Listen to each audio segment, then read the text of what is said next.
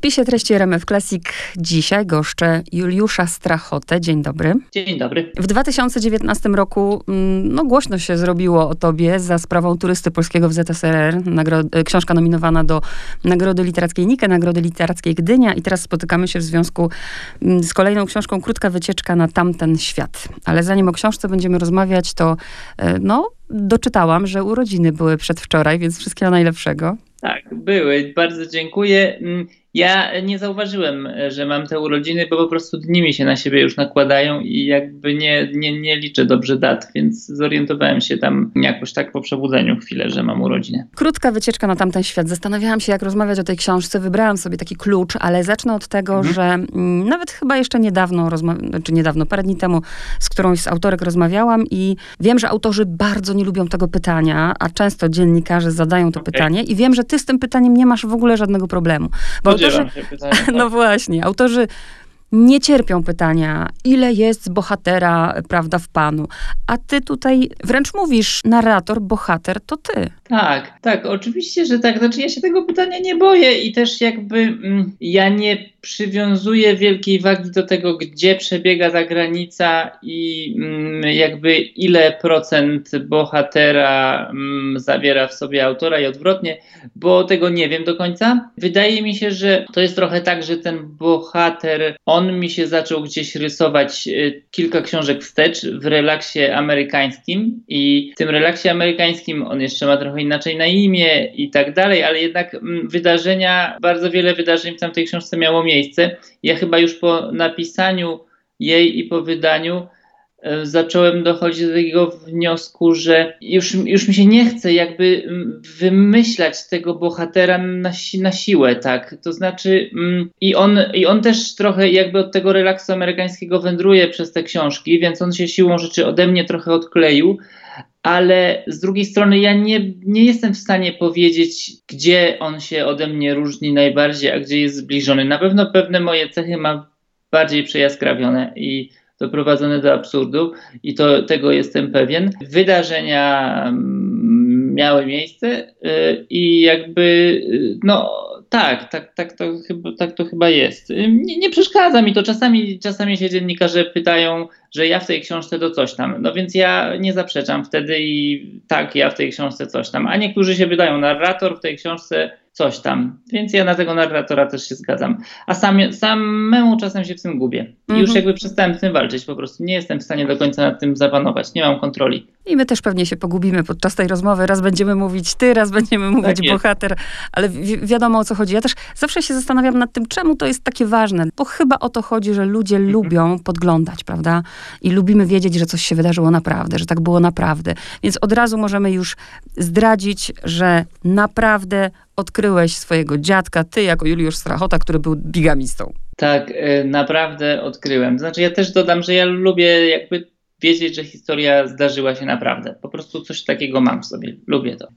Tak, odkryłem, odkryłem to 20 lat temu, ale mm, w momencie, kiedy mój dziadek umarł, tata jakby na chwilę pozwolił mi zajrzeć do tajemnicy swojego ojca. E, I wtedy się okazało, że moja babcia to była trzecia żona mojego dziadka. Pierwszą żonę zostawił w czasie II wojny światowej albo po II wojnie światowej na terenie Związku Radzieckiego. Tutaj przyszedł z frontem z Berlingiem e, do Warszawy, później mm, poszedł na Berlin i już wrócił tylko do Warszawy. Nie wrócił już do wsi, w której się urodził, nie wrócił do żony i nie wrócił do trójki dzieci. E, Spotkał tu kobietę, i to była druga żona mojego dziadka, znaczy druga, i mm, ożenił się, ale nie rozwiódł się z pierwszą żoną. A dopiero później ożenił się z moją babcią, więc mój tata był e, jedynakiem z trzeciego małżeństwa, ale te 20 lat temu okazało się, że wcale nie jest takim jedynakiem, bo zobaczyłem te 20 lat temu trzy zdjęcia dwóch mężczyzn i jednej kobiety, którzy byli bardzo podobni do mojego ojca i zobaczyłem zdjęcie dzieci, zwłaszcza utkwiła mi w pamięci e, dziewczynka o azjatyckich rysach, a z tyłu tego zdjęcia było napisane po rosyjsku mm, w stylu coś takiego: Kochany dziadku, e, wyślij nam swoje zdjęcie, bo chciałybyśmy Cię zobaczyć. Kochamy Cię bardzo, Twoje wnuczęta. No i to był taki moment 20 lat temu, że ja się z tym zetknąłem, bo mój tata mm, tę tajemnicę chciał uratować przed swoją matką. No i rzeczywiście coś, coś z tej tajemnicy, z tych szafek e, mojego dziadka wyrwał, a później ta tajemnica zniknęła w szafce mojego ojca i jakby nikt jej nie dotykał nigdy. Na poziomie fabularnym chodzi o to właśnie, że bohater odkrywa przeszłość swojego dziadka i wybiera się w tę podróż, te, na tę krótką wycieczkę jedzie na tamten świat, żeby poznać tę rodzinę, której nie znał. Najkrócej i najprościej. Tak. I gdybyśmy tylko powiedzieli, jaki jest tamten świat? Jaki jest tam ten świat. Mhm. Znaczy tych światów tamtych jest więcej pewnie w tej książce i jakby y, ten jeden z tamtych światów jest mi zupełnie nieznany, ale ja w tej książce staram się z nim stykać i staram się tamten świat oswajać. Mam na myśli świat y, który zdarza się albo się nie zdarza po naszej śmierci, to znaczy raczej się nie zdarza, ale jakby zetknięcie e, ze śmiercią jest w tej książce istotne dla mnie i to, mhm. że ona jednak jest motorem różnych działań. Natomiast tamten świat w takim rozumieniu mm, wycieczki geograficznej no jest e, kompletnie inny od tego, z którego wyruszam ja, bądź wyrusza narrator, bo e, narrator wyrusza z powrotem jakby na wschód jako taki wesoły e, turysta, ale też z pewną, jakby to powiedzieć, przeświadczeniem o tym, co się tutaj m, mm, zdarzyło, w tym sensie, że ojciec narratora był ośrodkiem pewnej krzywdy e, z, wyrządzonej przez swojego ojca. Tak naprawdę okazuje się, że ta podróż e, m, zmierza w stronę jakby kilku innych ośrodków, gdzie ta krzywda była o niebo większa, ale też zmierza przede wszystkim do innych ludzi. I tego się nie spodziewał narrator, ponieważ narrator bardzo lubi podróżować w takie miejsca, gdzie nic nie zakłóci jego komfortu. Nie bardzo lubi się spotykać z ludźmi, yy, lubi jeździć do różnych miejsc. Yy, i tak podróżował na przykład w poprzedniej książce Turysta Polski ZSRR, a tutaj yy, ma taką misję żeby e, napotkać ludzi zupełnie sobie nieznanych, a jednocześnie będących jego bardzo bliską rodziną. Ten tytuł jest bardzo wieloznaczny i tamten świat, prawda, rozumiany jako dosłownie e, wycieczka w poszukiwaniu rodziny, ale tamten świat też e, powiedziałeś, że śmierć jest tu istotna i staje się motorem pewnych działań. Ja się właśnie chciałam skoncentrować wokół bohaterów mhm. tej książki, idąc po kolei i patrząc na relacje. No ale najpierw chciałam się przyjrzeć temu narratorowi, czyli bohaterowi, czyli Julkowi. Tak to już wiemy też z poprzednich książek, mm, jest człowiekiem uzależnionym. Ale tutaj, w tej książce, na tym etapie trzeźwienia, bo tak mogę powiedzieć, potrzebuje wsparcia. Tym wsparciem jest tutaj sensei. W pewnym momencie sensei umiera. Zaczęłam się martwić, czy Julek będzie potrafił sobie poradzić w życiu bez senseja, czy po prostu będzie uciekał w coś innego. Ale też te pierwsze strony pokazują, że pomimo tego, że nie, nie zażywa, to tak naprawdę o stabilizacji emocjonalnej nie ma mowy. Chciałabym, żebyś trochę powiedział więcej, w jakim punkcie jest ten Julek, którego tu poznajemy. E, ten Julek jest chyba w takim punkcie, w jakim wiele osób uzależnionych bądź jakby mających w przeszłości różne jakby mm, epizody zaburzeń emocjonalnych, psychicznych, e, jest, on te główne swoje schorzenia ma już uleczone, zaleczone i one go nie dopadają, natomiast cały czas się jakby boryka z taką jakby podstawową rzeczą, czyli jakby odnalezieniem się, jakby w odnalezieniem swojej tożsamości, odnalezieniem się w różnych rolach społecznych, ale tak naprawdę on podświadomie też usiłuje odnaleźć się w pewnym schemacie rodzinnym, który jakby ma zupełnie nie, nieułożony, no bo on mm, Oprócz tego, że próbuje się odnaleźć w teraźniejszości, a ma taką tendencję do ucieczek w przeszłość bardzo silną, więc tutaj trenuje tę teraźniejszość bardzo, bardzo pilnie, to jeszcze próbuje się odnaleźć w relacji z przewodnikiem, z nauczycielem, z mistrzem, z mędrcem, z ważnym mężczyzną. I tu chyba wydaje mi się, jakby ta relacja jest o tyle ważna, że on poszukuje mędrca tak, I, i, i myślę, że to jest jakby też bardzo, bardzo ważne w tym, co też się jakby wydarza dalej, nie? W tym, y, jak wygląda jego relacja z ojcem, jego mhm. własnym, prawda? I on usiłuje znaleźć tego mędrca w życiu, bo się nie czuje jakby, sam jakby nie czuje się pewnie wciąż, ale okazuje się, że te role się trochę odwracają pewnym momencie, czyli jakby następuje takie uzwyczajnienie tego przewodnika duchowego, a z drugiej strony też jest, mam nadzieję, że jest jakby coś takiego fajnego w tym, że tak naprawdę nigdy nie wiadomo, kiedy następuje jakby właściwa lekcja, właściwa lekcja jakby w tej praktyce zen, czy właściwa lekcja tego senseja, że to jest takie mm, trudne do złapania. W ogóle praktyka zen jest e, dosyć trudna do, do opisu, do, do do chwytania w słowa. No i tego nauczyciela nagle zaczyna brakować, tak? Bohater musi zacząć działać sam. Z drugiej strony jakby ta śmierć znowu jest jakby bardzo ważnym takim wyzwalaczem dla niego, jakby on też y, zaczyna się godzić trochę z tym, że przed nim nie ma jakiejś jeszcze wielkiej góry, wielkiego szczytu, bo on się zbliża do czterdziestki i jakby taki pewnie kryzys, kryzys y, się u niego pojawia. W związku z tym on cały czas wydaje mi się, że chce się złapać czegoś albo kogoś, kto go będzie prowadził przez to życie, chociaż tak naprawdę no już od dawien dawna powinien e, po tym świecie stąpać jakby o własnych siłach. No ja tak myślę, że wcale nie powinien, ale to już moje. E, bardzo mi nie, się... bo on może sobie tak myśleć. No rozumiem. E, bardzo mi się podoba w ogóle ta relacja Senseja i Julka i jest tam dużo autoironii. Zwróciłam uwagę na dwie rzeczy. Pierwsza to taka właśnie, bardzo mi się ta historia podoba a propos mistrza Zen, który prawda zostaje obdzierany ze skóry i krzyczy tak. i ludzie się dziwią, że, że jak to mistrz Zen i krzyczy, a właśnie na tym polega Zen, że że jeżeli cierpisz, to krzyczysz, to jest coś pięknego. No i druga sytuacja, w której, prawda, do, dobrymi praktykami zen są alkoholicy, ale tylko w pierwszym roku, bo w kolejnym myślą, że już są uzdrowieni. To są takie fajne rzeczy. A teraz przechodzę z Julka do, do Juliusza Strachoty, czyli do ciebie, tak. robię rozgraniczenie, bo ja się też trochę interesuję y, i buddyzmem i w pewnym momencie gdzieś tam szukałam tego głębiej i, i zafascynowana byłam karmapą y, Ole Nydalem, a ty tutaj o tym mówisz i chcę zapytać, czy to prywatnie też twoje zainteresowanie? No prywatnie jest to, um, prywatnie jest to coś, co po prostu ja robię na co dzień od, od wielu lat, to znaczy wstaję rano i siadam do zazen, czyli medytacji takiej siedzącej. Y, od, od, od wielu lat praktykuję z nauczycielami zen i jakby takim, jeśli chodzi o szkoły buddyzmu, to zen jest, bym powiedział, takim wiodącą ścieżką moją.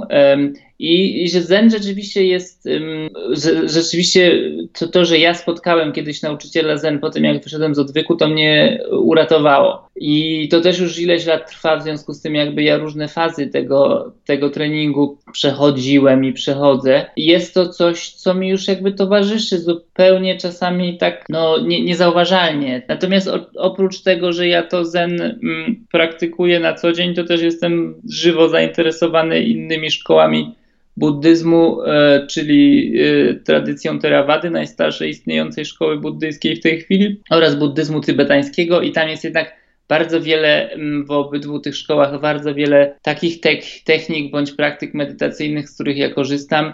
I na przykład w tej chwili, kiedy siedzimy zamknięci w domach, to e, naprawdę dzięki temu buddyzmowi czuję się dosyć dobrze przygotowany do tego, takim się czuję duchowym prepersem. To jest dla mnie coś bardzo ważnego, już w tej chwili jakby nieodłączna część mojego życia. A czy prywatnie spotkałeś Lama Ole Nydala? nie, prywatnie nigdy nie spotkałem Lamy Ole Nydala prywatnie e, raz, prywatnie, mocne słowo, prywatnie no tak, no. spotkałem Dalaj Lamę w zeszłym roku. E, na przykład jeśli chodzi o nauczycieli buddyzmu tybetańskiego, byłem w Dharamsali w wykładach Dalaj Lamy, więc ja i parę tysięcy innych osób spotkaliśmy prywatnie Dalaj Lamę w tym momencie. No to pięknie. Teraz wracamy do bohatera, do tego Julka, który mhm. prawda, szuka tego przebudzenia duchowego. Bardzo ważne są tutaj relacje i sensei właściwie stał się w pewnym momencie dla niego tym, kim nie stał się nigdy dla niego ojciec ojciec. Chociaż z tej książki nie wynika, że że tak naprawdę, nie wiem, coś się między tymi dwoma bohaterami, czyli ojcem i synem, wydarzyło strasznego. Tak, ale bo ja też miałem takie poczucie, jak tę relację jakoś tam budowałem, że to oczywiście wynika z mojego doświadczenia, że czasami te takie relacje, które się rozpadły między. Próbowałem czasami, jakby próbowałem rozwikłać też, też relacje w mojej rodzinie i czasami ciężko doszukać się jakiegoś źródła,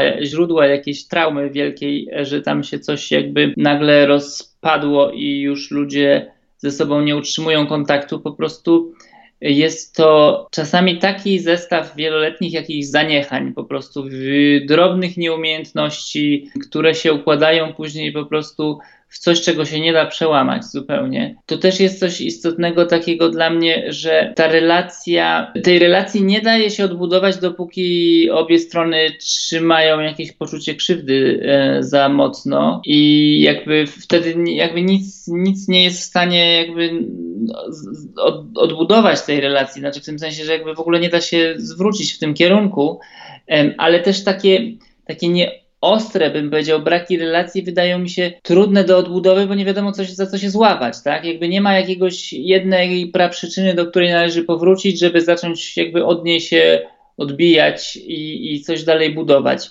I ja taką relację z moim tatą miałem też, w tym sensie, że w pewnym momencie nie dało się w ogóle jakby schwycić tego, o co tam poszło i kiedy to poszło i kto na kogo o, jakby o, jest za co zły, kto co, jakby nikt nikomu nic złego nie zrobił, tak? Tylko to się tak rozpadało latami. Też w mojej rodzinie było bardzo wiele takich relacji, które się tak latami roz, rozjeżdżały. A pamiętam powrót do relacji jakiś był dla mnie takim mozołem i takim poważnym wyzwaniem po prostu, bo przełamy, w zasadzie było przełamywanie jakichś strasznie silnych nawyków moich i, i mojego ojca tak naprawdę. No ja, ja mogłem zająć się swoimi nawykami i to, to naprawdę było trudne wyzwanie, a później jakby w miarę, w miarę tego procesu okazywało się, że tam tak naprawdę pod tym wszystkim nic nie było takiego mhm. nie do przeskoczenia. Paradoksalnie też tutaj jakby widać to w tej książce na przykładzie bohatera, że najpierw ten ojciec, czy widać też, y, że w tej rodzinie się nie rozmawia, nie? No bo kiedy nawet tak. to zdjęcie wypada i syn pyta, ojciec jakby chce udawać, że nic się nie stało, tak. gdzieś ta tajemnica jest, ale później w miarę, kiedy Julek jest nieustępliwy, ojciec jakby przełamuje sam siebie i w jakiś sposób ta sytuacja go uzdrawia. Tak, to znaczy jest tam taka sytuacja, w której po prostu bohater wchodzi od razu na misję i widać, że on tego bardzo potrzebował. Po prostu jakby uruchamia wszystkie siły, żeby natychmiast zacząć działać i zająć się tą odkrytą właśnie rodziną. No a jednak świat stawia opór, świat, czyli najbliższa rodzina, jakby i w ogóle um, o co chodzi, tak? A, a, a bohater chce tak naprawdę wszystkich nagle uleczyć za jednym zamachem. Znaczy widzi jakby misję do zrealizowania, po prostu, że uleczy niemalże ileś pokoleń. Na pewno najbardziej chodzi mu o jego ojca albo o swoją relację z ojcem, ale tak naprawdę mm, ma w sobie taki hura optymizm, że e, jakby dostał kluczyk do, do naprawienia tego świata, tej, tej rodziny takiej, takiej skłóconej i milczącej. Milczenie jest dla mnie jakby bardzo ciekawym zjawiskiem, to znaczy ja mm, dużo milczę i mało mówię. Być może właśnie dlatego piszę takie książki, bo nie potrafię mówić. jest to, znaczy jakby formy kontaktu wewnątrz rodziny y, są dla mnie jakby szalenie ciekawe, pewnie dlatego tam tego jest tak dużo. No jak się długo, długo nie rozmawia, to później zacząć mówić nie wiadomo w ogóle jak. A jeszcze się zastanawiam nad tym, dlaczego ta, to było tajemnicą? Co za tym stało, że to było tajemnicą? Wstyd? To znaczy, tak, myślę sobie, że mogło się to zacząć od tydu mojego dziadka, czyli człowieka, który zostawił swoje dzieci i uciekł. E, no, uciekł, no, uciekł, został w Polsce, nie wrócił do Związku Radzieckiego i w, we wsi w skrajnej nędzy zostawił trójkę dzieci. Myślę sobie, że tu jest miejsce na jakieś ogromne kłębowisko uczuć. Ten człowiek, czyli mój dziadek, przez całe życie w jakiś sposób dziwny, e, nie do końca wiem jaki, ale na pewno w sposób milczący sobie z tym radził.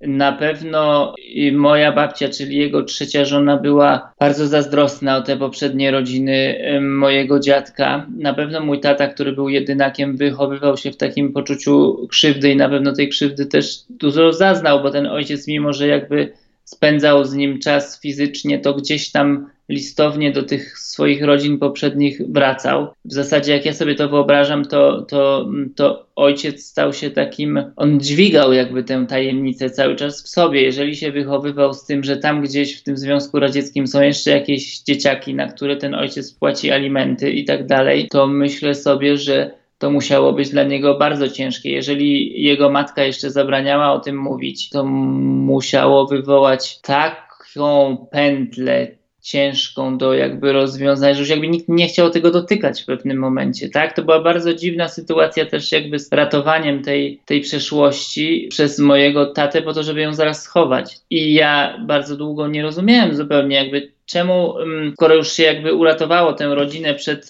przed taką symboliczną zagładą, czyli przed tym, mm, że moja babcia wyrzuciła gdzieś, czy spaliła po prostu te ostatnie punkty zaczepienia, czyli te kilka zdjęć, to że tam, to że jakby będziemy szukać dalej, tak? A mój tata wcale się tym nie zajął, tylko po prostu dalej trzymał to pod kluczem.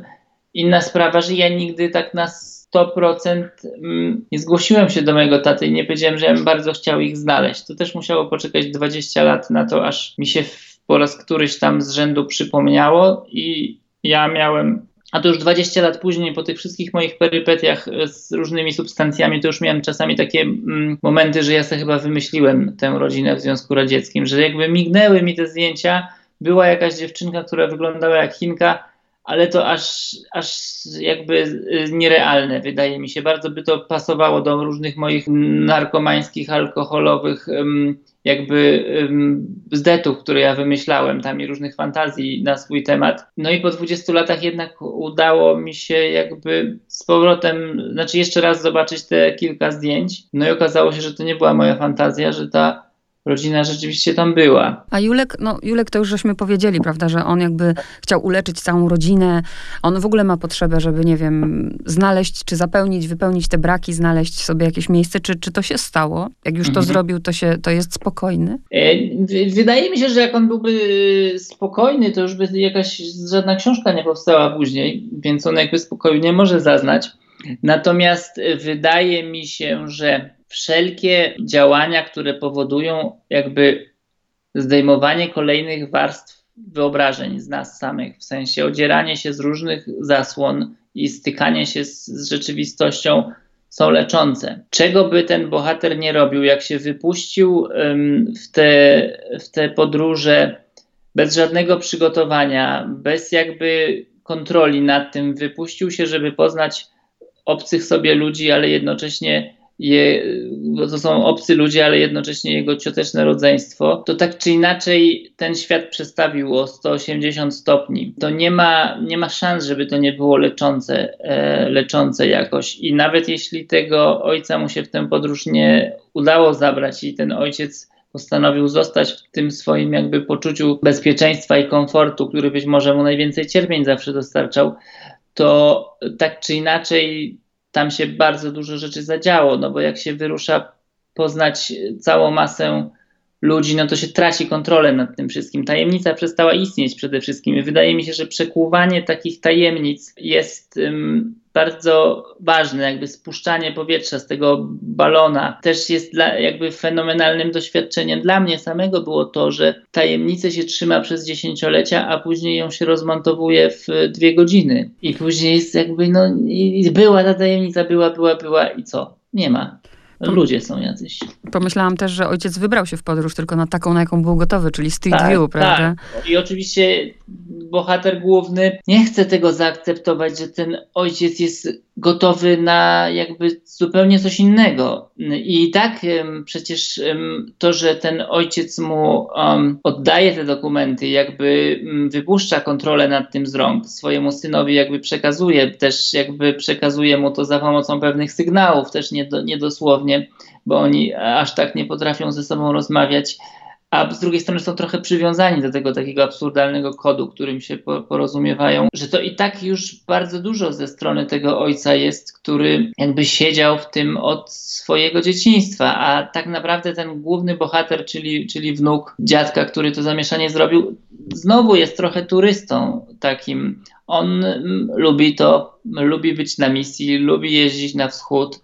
E, zagadki takie mu są potrzebne do do życia, bo się trochę rozczarował praktyką Zen, tam żadnej wielkiej tajemnicy do odkrycia nie było, więc on znowu ma misję, ale, ale tak naprawdę dla siebie bardzo bezpieczną, tak? A, no i chce tego ojca do tego wciągnąć, a ojciec tak naprawdę mm, chce to na swój sposób przeżyć i tak naprawdę przeżywa. A co w tej, posłużę się tytułem, w tej krótkiej wycieczce dosłownie właśnie na wschód na Jurku zrobiło największe wrażenie i które ze spotkań? Nie, nie jestem w stanie, mm, no bo tak, można powiedzieć, że jakby spotkania na wschodzie są trzy. Pierwsze jest pierwsze, więc jest strasznie ważne, a ostatnie jest u źródła. Mogłoby się wydawać, że jest najważniejsze. Natomiast um, wszystkie te spotkania były, bym powiedział, obezwładniające, bo każde z nich było inne. Każde z nich jakby dostarczało inną zupełnie cegiełkę do tej historii um, o dziadku Janku i bardzo, bardzo wiele jakby perspektyw, nawet jeżeli one nie były wypowiedziane, bo nie dla wszystkich tych wnuków y, tam napotkanych tak naprawdę ten Y, ukochany dziadek Janek, ukochany dziadek głównego bohatera, był też ich dziadkiem, chociaż no, tak naprawdę był ich dziadkiem. Nie, nie, nie znali go, nie mieli go w ogóle, ale nie wszyscy go traktują jak swojego dziadka, choć dla niektórych na przykład on stał się też takim elementem egzotycznej mitologii z zachodu. Tak? To jest w, w tym w konsekwencje tego pierwszego spotkania, na przykład w Kazachstanie, są takie, że ten dziadek Janek na zdjęciach 9 maja pojawia się na pochodach z okazji Dnia Zwycięstwa. Więc nagle tam jego potomkowie mają swojego bohatera w przyszłości wreszcie i mogą z nim chodzić na te marsze a, i, i mają wydrukowane zdjęcie i, i mają swojego przodka bohatera Armii Czerwonej. A już przy ostatnim spotkaniu ten dziadek niestety był najbardziej realną postacią i dla tych ludzi, którzy tam mieszkają, czyli jakby najbardziej nieobecną i, i jakby ta krzywda z jego strony była tam najbardziej wyczuwalna. Więc oczywiście to ostatnie spotkanie było taką największą lekcją chyba pokory dla głównego bohatera, bo on y, z takim hura optymizmem tam jednak przyjechał i, i, tego dziadka przywiózł, a oni tego dziadka nie do końca tam chcieli. I też y, chciałam dziadkiem zakończyć, ponieważ z tej historii, którą teraz opowiedziałeś o dziadku, trochę się już dowiedzieliśmy też, ale Właśnie, oni tego dziadka nie znali i nie do końca go chcieli, ale okazuje się, że bohater też nie do końca znał dziadka, bo ten ukochany jego dziadek okazał się kimś innym. I pytanie, czy to w jakikolwiek sposób wpłynęło na, na relacje, już mówię, no dziadka na świecie nie było, ale na myślenie o tym dziadku. Czy to po prostu tak silnego uczucia do tego ukochanego dziadka już nic nie było w stanie mhm. zachwiać i zmienić? To jest, no oczywiście to jest bardzo ciekawe pytanie i to już jako ja mm, myślę będę jakby odpowiadał, nie będę się krył za tym głównym bohaterem, bo, no bo, no bo ja tę, tę książkę wyeksperymentowałem w tym sensie, że, że wyjeździłem i, i, i wyszukałem i jakby przywróciłem tego dziadka z powrotem do teraźniejszości, a chociaż tym dziadkiem się nie zajmowałem przez lat 20 w żaden w żaden szczególny sposób. Mm, I nagle po 20 latach mm, osoba nieżyjąca tak długo bardzo wyraźnie y, wróciła do mojego życia.